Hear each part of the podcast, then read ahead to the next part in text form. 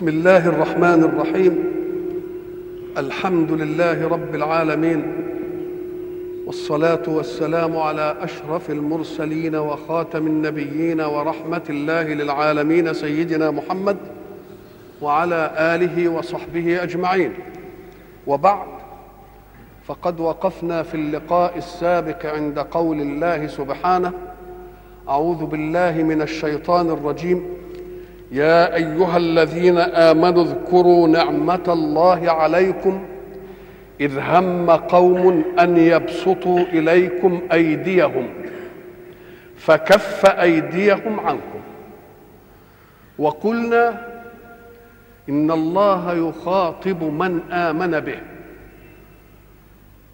ليرتب الحكم على أمر من اقتنعت بعقلك ووجدانك وقلبك على أنه إله.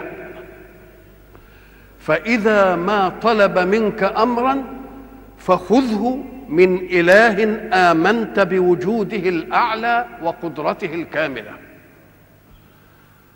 اذكروا قلنا إن الذكر هو إحضار الشيء في النفس.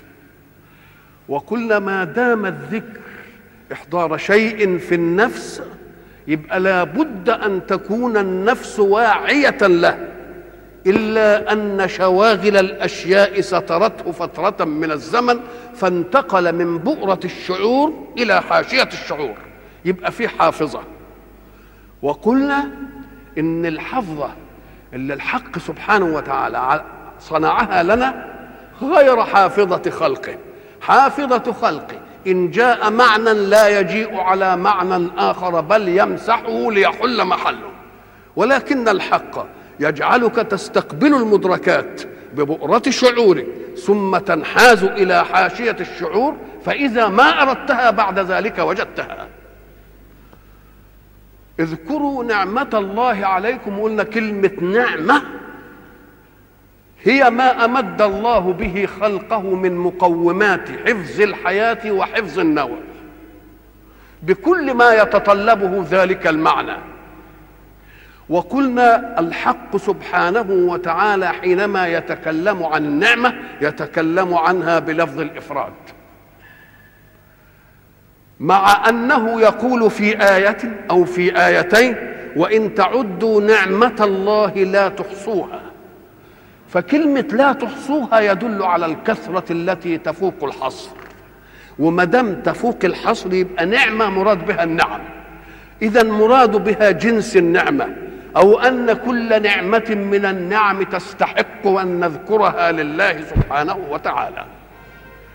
اذكروا نعمة الله عليكم إذ هم قوم. إذا فهنا ذكر نعمة من نوع خاص لأنها مظروفة في ظرف إذ هم قوم أن يبسطوا إليكم. أي نعمة الوقاية من لكم ممن يريد بكم سوءا ويريد بكم شرا. وقلنا إن الهم هو معناه أن النفس تستحضر الشيء وتعيش فيه بخواطرها. فإن انتقلت من ذلك إلى مباشرة النزوع الحركي في تحقيق ما هممت به سمي قصدا. البداية تسمى قصد والغاية تسمى انتهاء إلى الغاية. إذ هم وقلنا إن من منه الهم الذي يلازم نفس الإنسان ويشغل به دائما. ونفس الإنسان لا تشغل دائما إلا بالخواطر التي يخشى منها وتفزعه. أما خواطر الخير فتمر عابرة ويأتي خاطر آخر. أما الشيء الذي يفزعه فيظل دائما في خاطره وفي نفسه. ومنه الهم اللي إحنا بنقول غم وهم.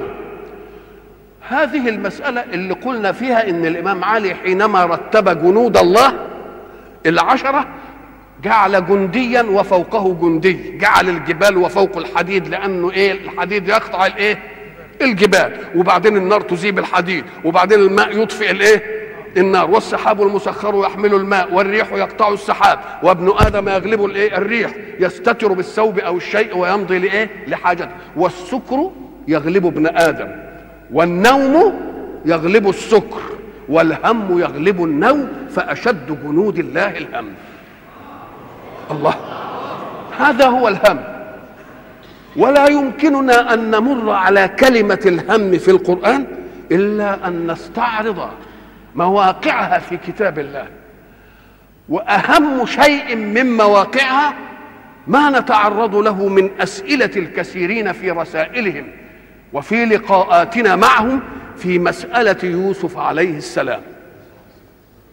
حينما قال الحق سبحانه وتعالى بخصوص مراودة العزيز له ولقد همت به وهم بها لولا أن رأى برهان ربه.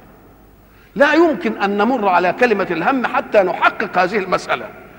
فالذين يستبعدون على سيدنا يوسف عليه السلام مش لا يستبعدون عليه أن يفعل يستبعدون على العصمة أن تفكر في نفسها. وإن كان التفكير في النفس ده ما دام ما وصلش إلى عمل نزوعي يبقى محتمل.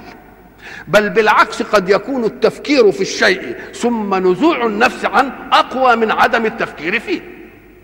ليه؟ لأن ما دام شغل النفس بها ثم يكف دي تدي قوة. ولكنهم أيضا يجلون سيدنا يوسف عن أن يكون ذلك قد مر بخاطره ولا بنفسه.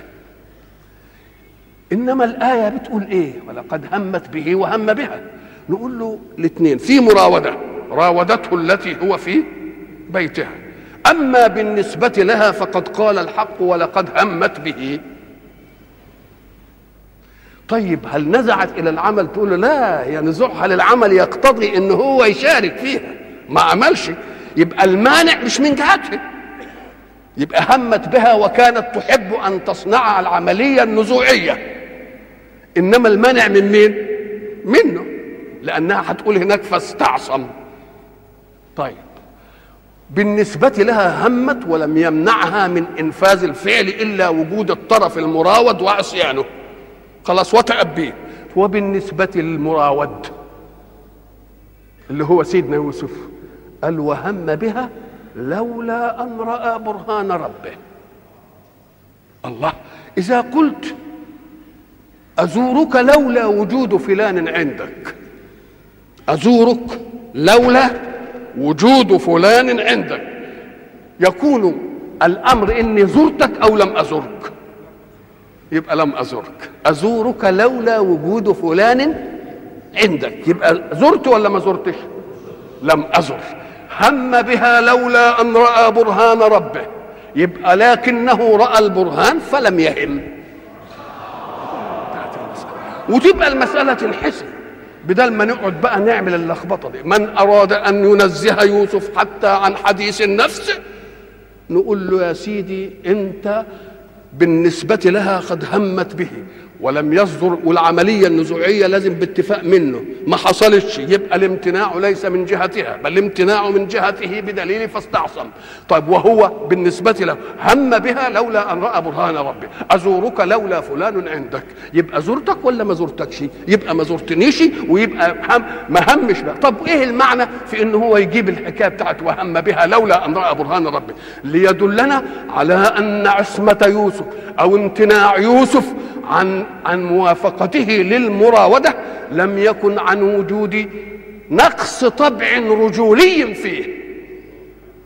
لولا برهان ربه لكان من الممكن أن يحدث كذا وكذا وكذا أي رجولته كاملة وفحولته غير ناقصة واستعداده الجنسي موجود تماما. فما الذي منعه؟ برهان ربه. يبقى الامتناع طبيعي ولا ديني؟ الامتناع ديني. وبذلك ينحل هذا الايه؟ الإشكال.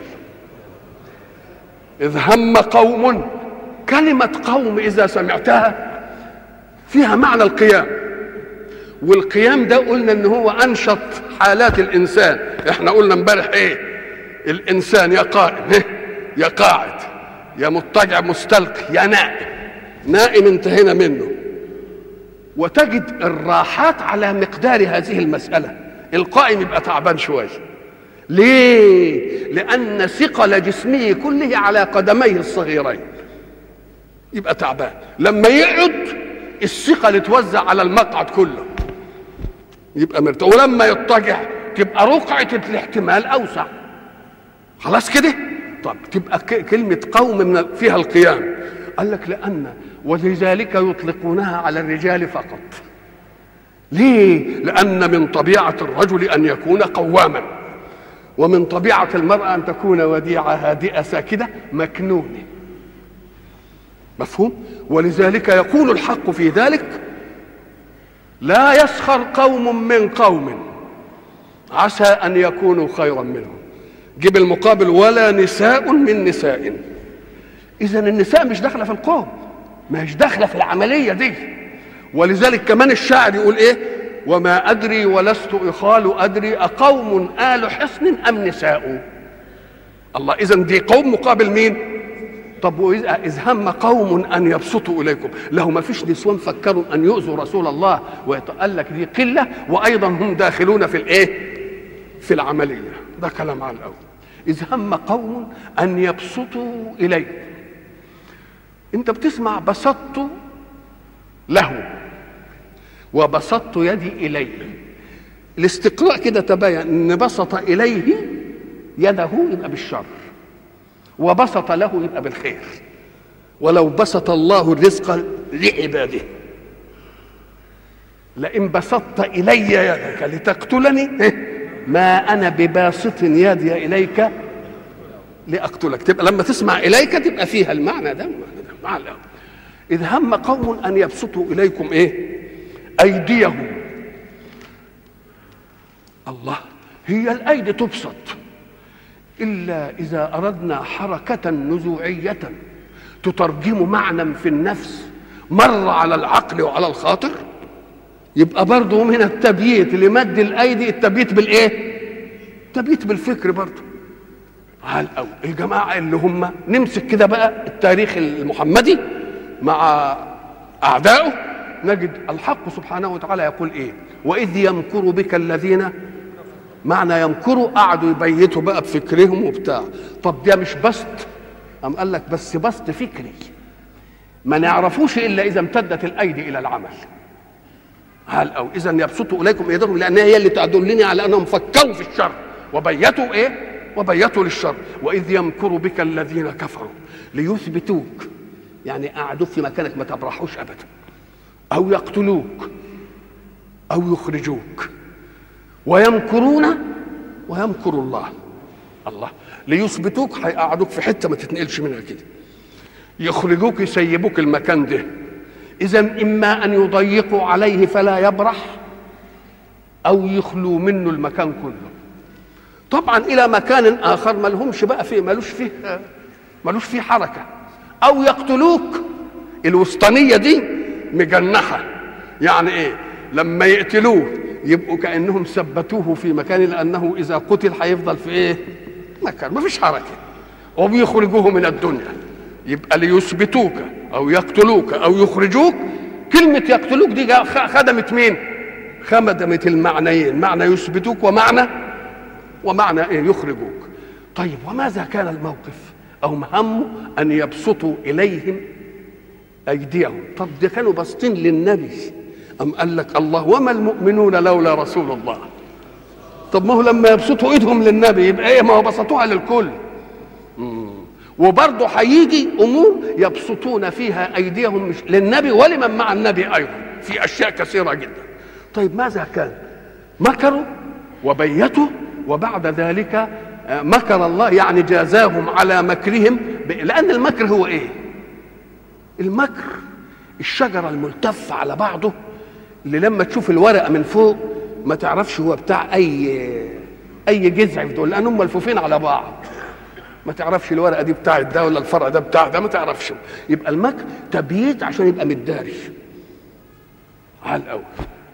اللي يمكر ده ويعمل تبييت متداري هو في ظهره انه عامل إنها ده قوة نقول له لا ضعف.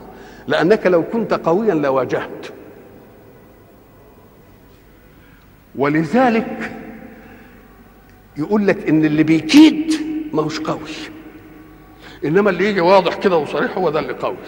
ولذلك بعضهم كان بيستدل يقول يا أخي ده ربنا بيقول إن كيد الشيطان كان ضعيفا ويوصف النساء بيقول إن كيدهن عظيم.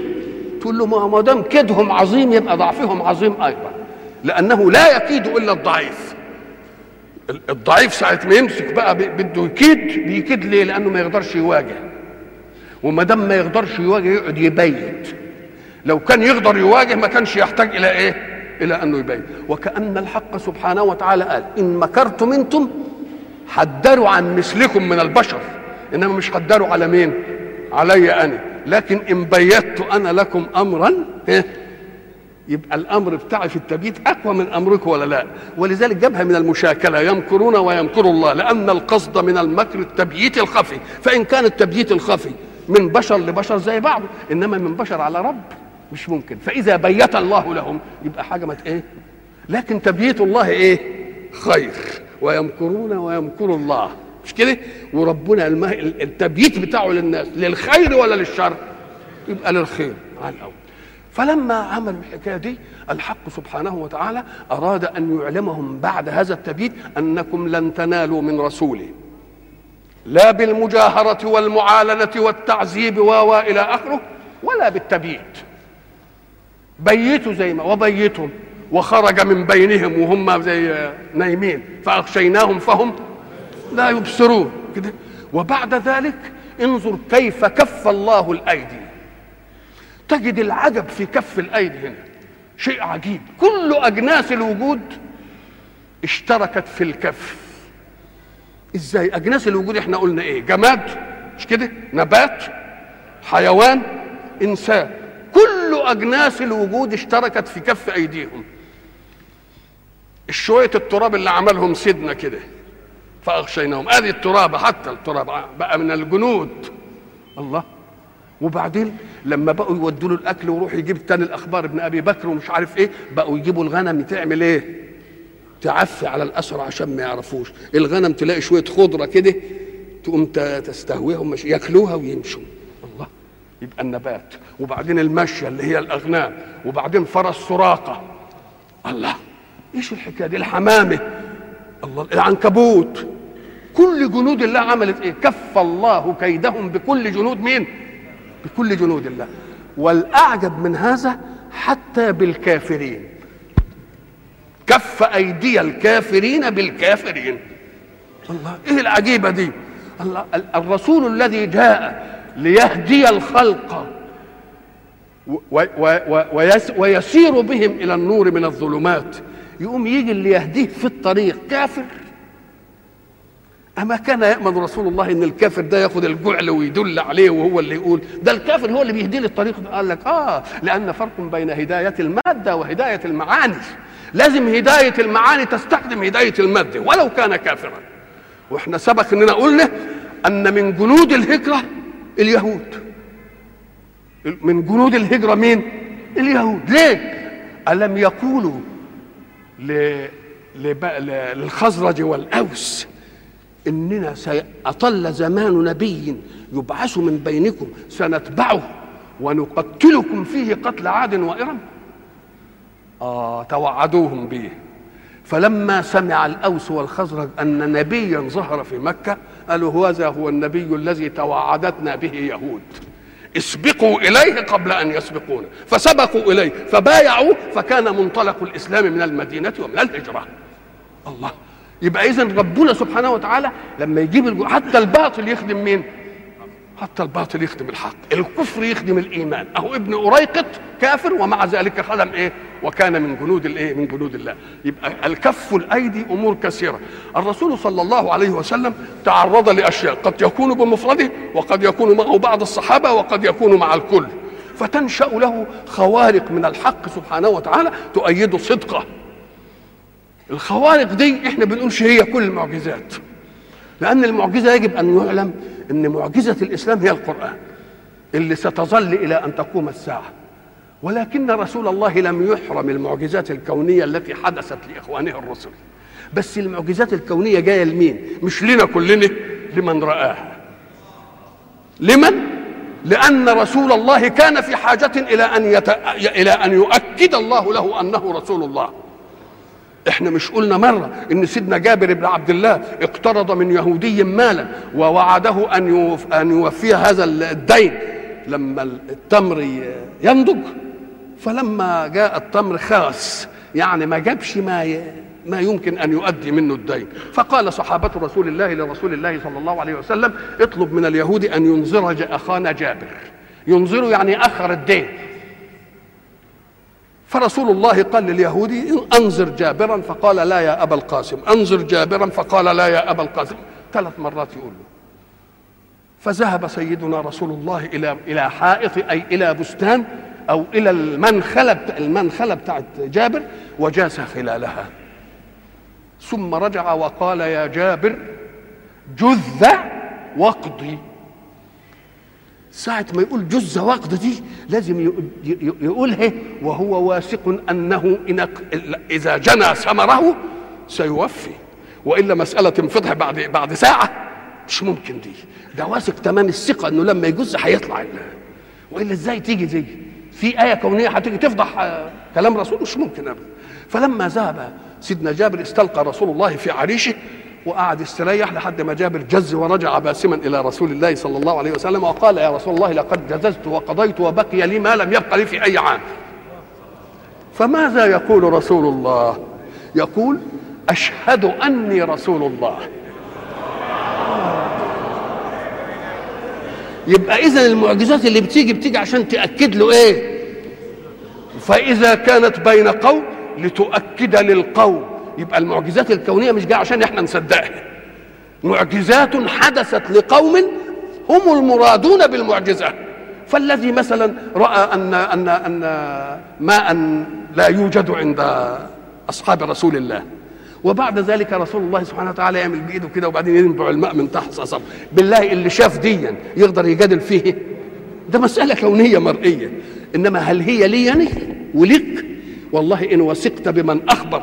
ولم تمنع عن رسول الله أن يكون مقامه عند الله أن يفجر له الماء. إيه معلش يقف إنما إن كانت كده هي معمولة للي شافها. كف عني حديثك وكلامك فيها وهي معمولة لمين؟ لمن رآها. لتؤكدها؟ لتؤكدها لما يجيب شوية أكل قد كده وبعدين يقضوا الجيش ويفيض. برضه معمولة لمين؟ برضه للي رآها.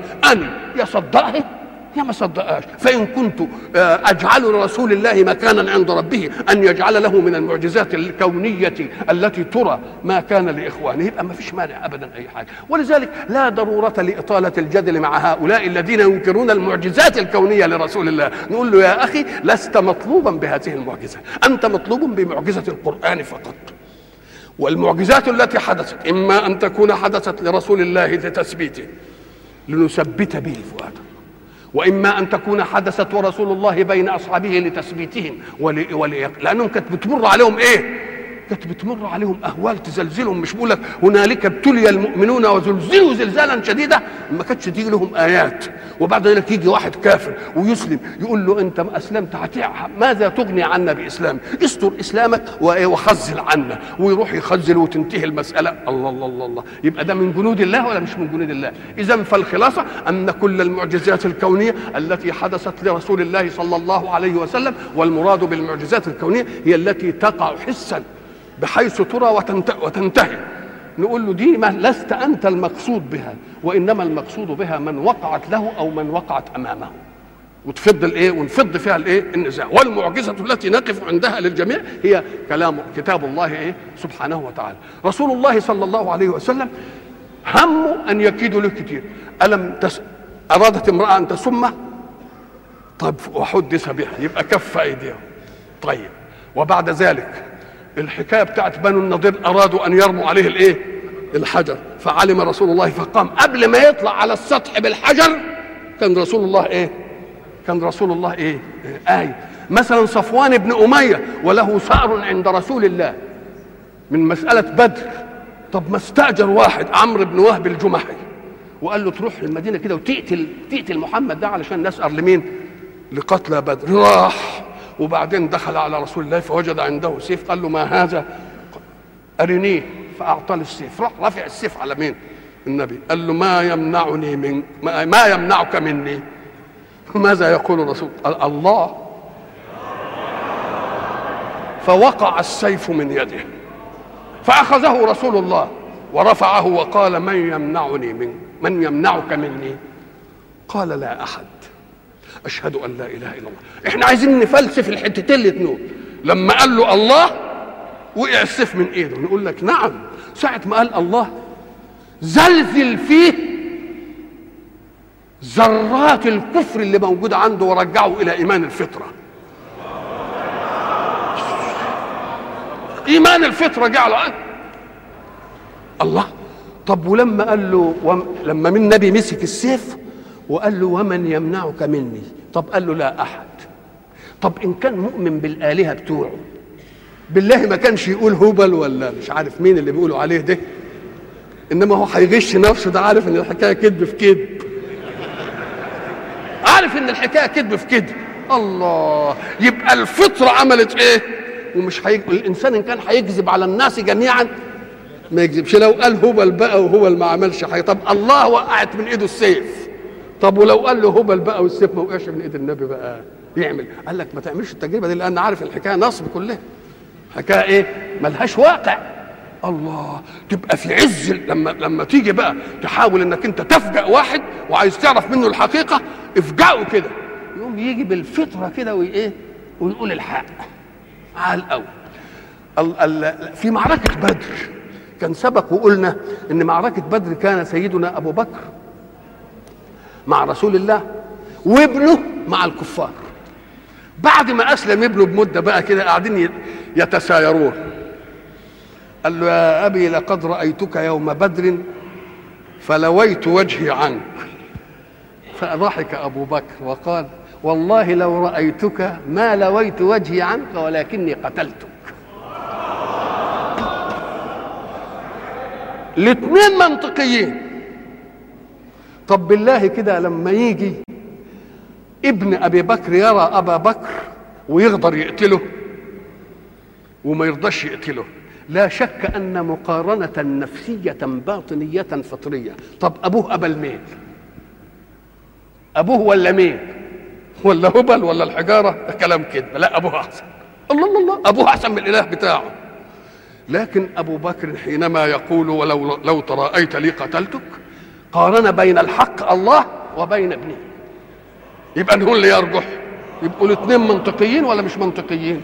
منطقيين الاثنين يجي مثلا آه الرسول صلى الله عليه وسلم قام بسرية وذهبوا إلى حتة اسمها إيه؟ بنو زبيان وبنو محارب.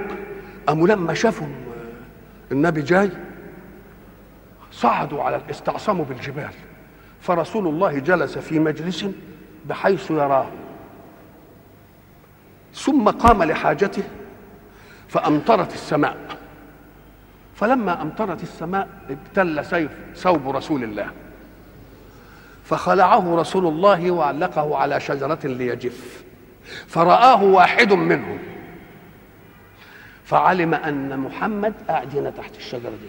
فأخذ سيفه وذهب إلى رسول الله. ورفعه قال من يمنعك مني يا محمد؟ برضه قال له مين؟ الله. آه ما تعرفش إيه اللي بيحصل بقى؟ إيه اللي بيحصل؟ راح السيف واقع. برضه زي الحكاية بتاعت الأولانية. فأخذ رسول الله السيف وقال ومن يمنعك مني؟ برضه قال لا أحد. أشهد أن لا إله إلا الله وأن ليه؟ لأن الفطرة المستلهمة بدون روية وأنات تدبير ومكر هي التي تحكم في هذا الظرف الدقيق. اذا كل هذه المسألة أليست كفات طب ولما يجي يمسك للصحابة؟ الله الصحابة حينما في في العهد الأول لما اضطهدوا في مكة وهاجروا هجرتهم الأولى إلى الحبشة. ذهبوا إلى الحبشة كده خبط عشواء ولا بتخطيط نبوي كريم؟ طب ده النبي قعد يخطط كده في ويشوف الأرض هي اللي تنفع إنهم يبقى مهجر. القبيلة دي لا. ده قريش بت... بتتمكن من أي قبيلة من الجزيرة لما يجوا الحج فاي قبيلة مش هتحمل اذهبوا إلى الحبشة. طب يروح هنا فارس يروح الروم. اذهبوا إلى الحبشة. شوف التعليل. فإن بها ملكا لا يظلم عنده أحد. إيه اللي خلى سيدنا رسول الله سبحانه وتعالى صلى الله عليه وسلم يجي كده ويستعرض العالم ويعرف إن ده ما يظلمش عنده أحد وده مش عارف إيه وده. وفعلا راح. وقريش بعتت الوفد بتاعها علشان إيه؟ ياخدوهم من النجاشي ويجيبوهم. فامتنع النجاشي عن مين؟ عن تسليمهم وبعد ذلك سمع منهم فعلم إن ده النبي اللي عندهم بشارات به لا شك أنه أسلم لأنه لما مات صلى عليه رسول الله. فلما حمى المؤمنين بالله وبرسوله عندهم لم يكافئه الله إلا بأن يموت على الإسلام وأن يصلي عليه سيدنا رسول الله صلاة الغائب. مش كف أيدي؟ كل دي كف إيه؟ كف أيدي. ودي قلنا بتصنع عشان تثبت لهؤلاء أنهم إيه؟ أنهم على حق وأن الله لن يخذلهم وأنه لا يجب أن لا يخطر ببالهم أن عدوهم أقوى منهم لأن الله أقوى من خلقه. فكف أيديهم عنكم. طب هو كف أيديهم عنكم وعمل العملية دي ليه؟ مش لأنه معدكم لأن تكونوا حملة منهجه إلى الخلق؟ آه يبقى لازم تداوموا على أنه دايما يكف أيدي أعدائكم عنكم. وده بإيه؟ اتقوا الله بقى. اتقوا مين؟ اتقوا الله. كونوا في معية الله إيه؟ دائما علشان ما يتغلبش عنه ليه؟ لأنه لا يتغلب كافر على مؤمن في لحظة من اللحظات إلا أن تخلى شيئا عن منهجه وجنديته لخدمة الدين. لأن ربنا ما يقولش قضية قرآنية. ثم يترك القضايا الكونية التي تحدث لتفضح القضية القرآنية. يقول إن جندنا لهم الإيه؟ طيب إن جندنا يبقى لما نغلبهم اعرف إنهم تخلت عنهم الإيه؟ بدليل انهم لما خالفوا عن أمر رسول الله صلى الله عليه وسلم في مسألة أحد حصل إيه؟ حصل اللي حصل. ولما انغروا برضه في حنين حصل اللي حصل. هو ربنا يغير سنته عشان خاطر ناس. نسبوا إليه؟ لا نسبت إليه يبقى بحق بقى. فإن تخليت عن قانون الجندية آه إن تنصروا الله إيه؟ ولذلك إذا رأيت المؤمنين جم دخلوا معركة وانهزموا. اعرف إن القضية دي ما تتخلفش وإن جندنا لهم الغالبون. قل لهم ابحثوا في نفسكم. شوفوا أنتوا ضيعتوا إيه من حقوق من واجبات الجندية لحق الربوبية. لازم ضيعتوا حاجة. ولذلك هناك ال ال القرآن وكأي من نبي قاتل معه ربيون إيه؟ كثير. فما وهنوا لما أصابهم في سبيل الله. فما وهنوا لما أصابهم يبقى أصابهم شيء. بس ما ضعفوش وما ضعفوا وما استكانوا. والله يحب الصابرين. وما كان إيه قولهم إلا أن قالوا ربنا اغفر لنا ذنوبنا وإسرافنا في أمرنا. آه عرفوا بإيه؟ دي جت ليه؟ اغفر لنا ذنوبنا وإيه؟ وإسرافنا في أمرنا. وثبت أقدامنا وانصرنا على الإيه؟ إيه اللي ربنا عملوه وياهم نصرهم ولا ما نصرهمش؟ فآتاهم الله ثواب الدنيا وحسن ثواب الآخرة والله يحب المحسنين نعم يبقى علشان تداوموا الحكاية دي اتقوا الله عشان تظلوا في معية مين؟ في معية الله وما دام في معية الله لا يجرؤ خلق من خلق الله أن ينال منك. إحنا كنا وإحنا بنتكلم في حادث الهجرة ساعة ما سيدنا أبو بكر حريص على حضرة النبي قوي حريص على ويقعد يعمل إيه؟ يجيب من ثوبه وإيه؟ ويسد الثغرات في الغار. مخافة أن تأتي حشرة ولا أي حاجة. طيب. وبعد ذلك يقول له يا رسول الله أما يشوفوهم ماشيين كده شوفوا خيالهم يقول له يا رسول الله لو نظر أحدهم تحت قدمه لإيه؟ لرآنا. كلام منطقي. لو بص كده من تحت قدمه كده هيشوف فماذا يقول رسول الله؟ يقول له يا أبا بكر ما ظنك باثنين الله ثالثهما؟ إيه اللغز ده؟ إيه الشفرة دي؟ ما ظنك باثنين الله طب ده ده هو بيقول لو نظر أحدهم تحت قدمه لايه لرآنا يبقى يقول له ما ظنك باثنين الله ثالثهما يعني ما يشوفوناش. ما هو بيقول هيشوفوني. قال له لا ما ظنك باثنين. يبقى معناه ذلك انهم ما إيه؟ لو نظر أحدهم تحت قدمه لا إيه؟ لا يرانا. إزاي يعني إيه؟ قال لك لأن ما دام الله ثالثنا. الله ثالثنا يبقى في معية الله. وما دام المؤمن في معية من لا تدركه الأبصار فلا تدركه الأبصار. هيبصوا ولا يشوفوش. إزاي ما نعرفش؟ إحنا مش آلهة بقى. الله ما دام في معية مين؟ من لا تدركه الأبصار يبقى يوطي ويشوف تحت قدمه برضه مش هيشوفه. ما ظنك باثنين الله إيه؟ الله ثالثهما. من كان في معية من لا تدركه الأبصار لا تدركه الإيه؟ لا تدركوا الأبصار إحنا كنا ضربنا مثل بسيط كده زمان ولله المثل الأعلى. قلنا لما يكون عيال متسلطين على ولد مثلا ويقعدوا يضربوه وبعدين الولد يخرج لوحده ويضربوه وبعدين أبوه ماشي وحطه تحت باطه كده وماشي. حد بيقدر يهوب له؟ طب إذا كان الولد مع أبوه ما بيقدرش يهوب يبقى اللي مع ربه هيهوب له حد ابدا. ابدا مش ممكن يبقى ما دام كده داوموا على تقوى الله ليظل الله في معيتكم ويظل الله يكف أيدي من يريدكم بسوء إيه؟ عنكم. واوعوا تقولوا الأسباب والمش عارف الايه لا وعلى الله فليتوكل المتوكلون. اوعى وعلى الله فليتوكل المؤمنون. اوعوا تقولوا ده إحنا ما عندناش عدد ما عندناش عدد ما عندناش. انت تعد اللي عن تقدر عليه. ربنا ما قالكش أعد لهم ما تستطيع أن تغلبهم به. لا أعد ما استطعت أنت. ثم اترك علي لي المسائل. اترك الباقي لي. اوعى تقول لا العدد ولا العدد ولا الكلام ده كم من فئة إيه؟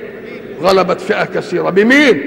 بإذن الله. يبقى انت مؤمن على الله. فل... إيه؟ ولذلك علمنا يمكن واحد برضه عقلاني يقعد يقول لك طب وهي إزاي مسألة مادية؟ عدد وعدد ومش عارف إيه. وإيه؟ نقول له يا أخي ربنا برضه ادانا عشان يريحك يا عقلاني. أو يريحنا منك. يا يريحك يا يريحني منك. إزاي؟ أم قال يا أخي افرض إن عندهم عدد وعندهم عدد ومش عارف إيه أنا عندي جندي بسيط كده لا يرى. عدة بسيطة كده لا يرى أوديها في صفهم تهزمهم. إيه؟ سألقي في قلوب الذين كفروا الرعب. ساعة ما هو يلقي الرعب ما انتهت يبقى عدتهم وعد كله ده بتاعنا إحنا ولا لأ؟ فسلحوها كما شاءت فإن لنا هذا السلاح بعون الله في الغلب يبقى السلاح بتاعنا إحنا شوف سألقي في قلوب بس جاب لنا حاجة بسيطة. سألقي في قلوب الذين كفروا وما دام التقى الرعب انتهت المسألة. خلاص ولا عدد ولا إيه ولا عدد ولا أي حاجة. وعلى الله فليتوكل المتوكل بس توكل مش تواكل التوكل. يجب أن تعلم أن لكل جارحة في الإنسان مهمة. إيمانية. مهمة كل جارحة الإيمانية أن تقف عندما شرع الله. الأذن بتسمع. سمعت القول طيب اعمل به. سمعت يلحدون في آياتنا أعرض عنه. خلاص؟ اللسان ما تقولش الا الكلمة الطيبة وبلاش الكلمة الخبيثه الإيد ما تنددش إلا على. كل جارحة لها إيه؟ لها عمل. طب وعمل جارحة القلب؟ اليقين والتوكل. يبقى التوكل عمل القلب. اوعى تنقل عمل القلب إلى عمل الجوارح. تقول أنا هتوكل ولا أعملش؟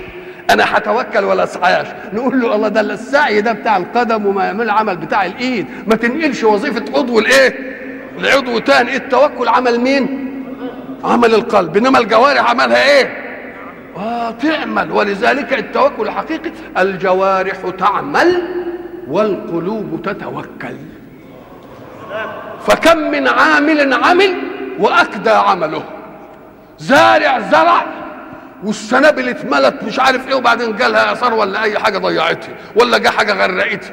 يبقى عملوا ولا لأ؟ إياك أن تهمل الأسباب وإياك أن تفتن بالأسباب. إياك أن تهمل الإيه؟ الأسباب. أو تفتن فإن أهملت الأسباب يبقى أنت مش متوكل. أنت متواكل. أنت يبقى التوكل عمل مين؟ عمل القلب والعمل الجوارح تعمل. يبقى الجوارح تعمل وبعدين نقول لا هو العمل ده مش كافي ده المسبب برضه ده له طلاقه يبطل هذا العمل ولا يجعلني أستفيد منه.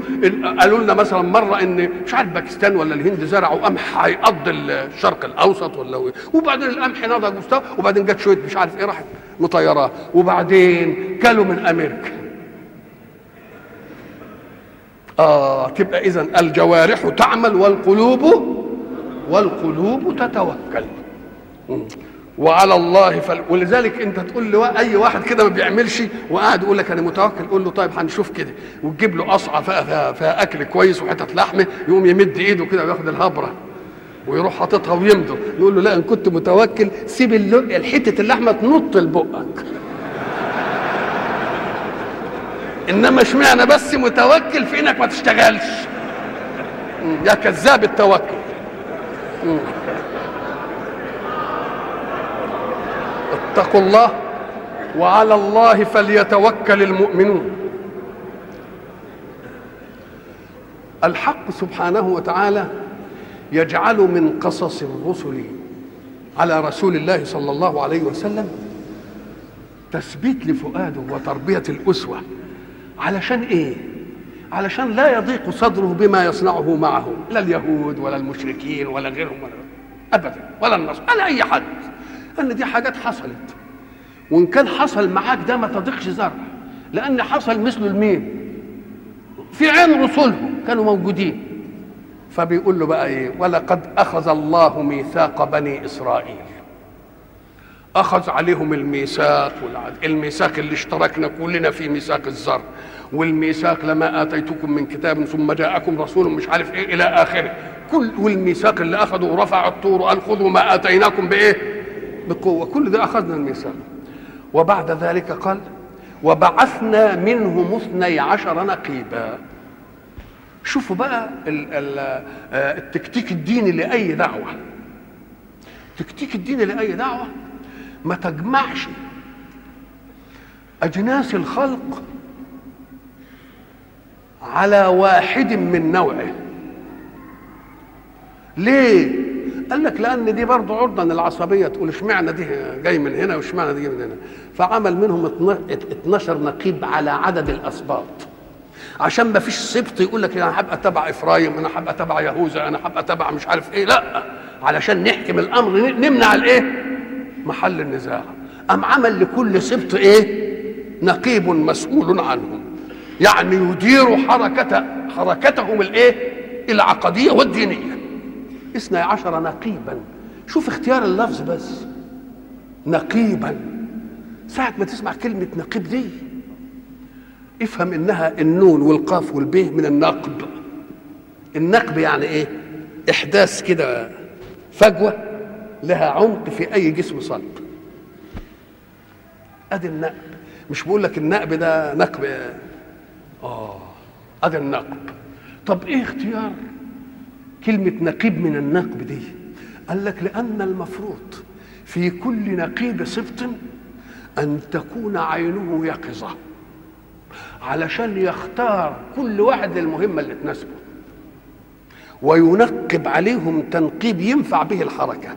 لا ينفع الاسباط السبط اللي هو منهم ولا ينفع نفسه. الله علشان ما يضعش الرجل إلا في المكان الإيه؟ المناسب له. ودي ما تجيش إلا بالتنقيب تنقيب يعني إيه؟ يعني نبش حالة كل واحد ويعرف ده ميوله إيه وده إيه. اللي مثلا ميوله مثلا يحب المال بلاش يوليه على على خزانة واللي ميوله مثلا مش عارف كل واحد له إيه؟ يقوم يمنع ده عنده يحط ده في المكان المناسب أدي نقيب. يبقى نقيب يعني إيه؟ ينقبه. ينقب يعني ما يكتفيش بظواهر الأمور بل ينقب عن حال كل واحد علشان يعرف الراجل ده يصلح لإيه. ولما يكون عنده يعني نوع مخصوص هم سبت واحد والنقيب منهم يبقى عارف حوال أحوالهم ولا لأ؟ إنما سبت تاني يمكن أنا أتولى مني ما أعرفش الأحوال التانية. آه. يبقى منع إن ناس تأنف السيطرة من سبط على سبط ومنع إن الإنسان ياخد بجهالة من الأسباط التانيين اللي ما يعرفش عنهم حاجة. يبقى بينقب. بإيه؟ بينقب. نسمع إحنا كلمة فلان له مناقب كثيرة. مناقب كثيرة يعني إيه؟ يعني يعني فضائل تذكر فتذكر. مش كده؟ له فلان له إيه؟ مناقب كثيرة. تذكر فإيه؟ فتشكر. يقول يا سلام شوف دقة اللفظ الأداء في اللغة. كأن يجب على صاحب الفضائل أن لا يتباهى بها لتعلن بل يجب أن يترك للناس لينقبوا عنها لتظهر. ما يفرضش مسائله كده لا. يبقى فضائله كلها إيه؟ مكتومة. ولذلك كانت كنوز الأرض وكنوز الحضارات كلها مدفونة تحت الأرض. ننقب عنها طب واللي كان على ظاهر الأرض سفت به الرياح وعوامل التعرية فلم يبق منه شيء. وإلى لقاء آخر إن شاء الله.